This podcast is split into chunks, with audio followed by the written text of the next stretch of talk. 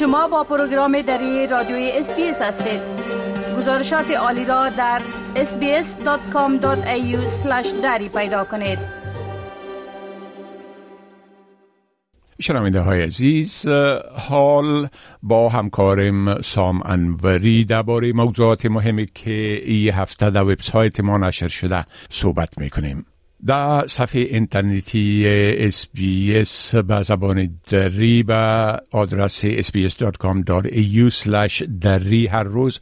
مطالب جالب و دانستنی درباره موضوعات گوناگون نشر میشه. آقای انوری سلام عرض می‌کنم.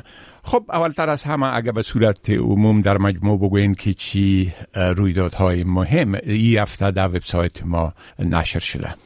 با سلام به شما و شنوندگان عزیز. خب امروز 27 می روز اول هفته آشتی ملی است و دیروز جمعه 26 می هم روز ملی عذرخواهی بود. در روز ملی عذرخواهی بیانیه قلبی اولورو یا The Uluru Statement from the Heart شش ساله شد. و ما هم برگردان دری بیانیه را یک بار دیگر برای شنوندگان عزیز خود نشر کردیم. همانطوری که می‌دانید یکی از خواسته های بومیان کشور در بیانیه بر رسمیت شناخته شدن آنها در قانون اساسی و ایجاد یک ساختار نمایندگی از آنها بود که حکومت فدرال امسال قصد دارد که با برگزاری یک همه پرسی صدای بومی ها به این خواسته اونها جامعه عمل بپوشانه حالا اگر به آغاز هفته برگردیم گزارش داشتیم در مورد سفر نارندرا مودی نخست وزیر هند به استرالیا و تغییر نام یک بازار در غرب سیدنی به هندی کوچک. این بازار در ناحیه هریس پارک در غرب سیدنی موقعیت داره و بیش از 90 درصد تاجرانش هم استرالیایی های هندی اصل یا هندی تبار هستند. در جریان هفته گزارش درباره افزایش به سابقه آمار به سرپناهی یا به خانمانی در استرالیا داشتیم. همچنین گزارش دیگری در مورد آزمایش یک واکسن جدید آنفلوئنزا یا سرماخوردگی داشتیم که اگر موفقیت آمیز باشه دیگه مجبور نیستیم که هر سال خود را در برابر ویروس واکسینه کنیم گزارش دیگری هم در مورد ادامه ممنوعیت آموزش دختران و زنان در افغانستان و سرگذشت دو زن جوان افغان در استرالیا داشتیم که بعد از سقوط کشور به دست طالبان به استرالیا آمدند. همچنین گزارش در مورد علی اصغر حسینی یک قهرمان کشتی آزاد در استرالیا داشتیم که در ده سال گذشته نتوانسته به دلیل شرایط ویزه خود از استرالیا در میدانهای بین المللی نمایندگی کنه و اکنون که ویزه دائمی خود را به دست آورده امیدوار است که بتانه به کمک وزیر مهاجرت سال آینده در المپیک پاریس شرکت کنه.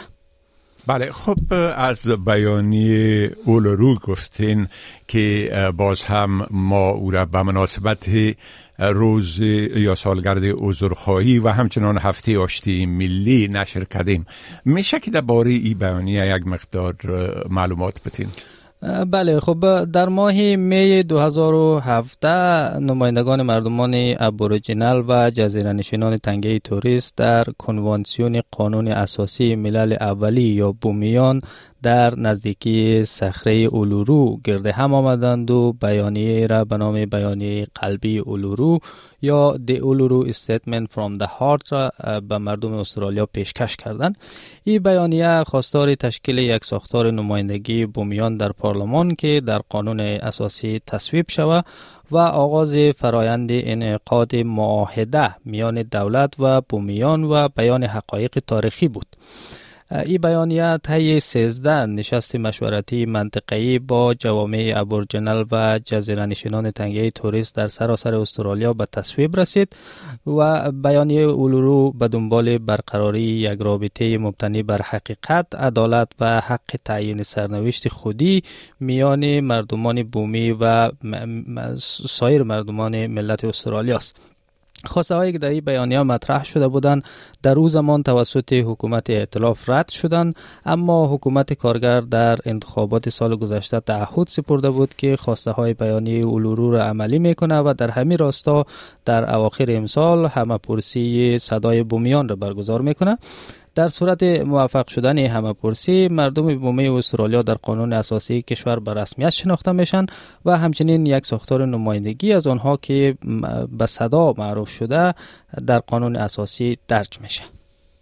بله خب از یک پهلوان هزار از افغانستان گفتین که در افغانستان مدال های هم گرفته و حال در استرالیا امیدوار است که با گرفتن ویزه دائمی در المپیک شرکت کنه.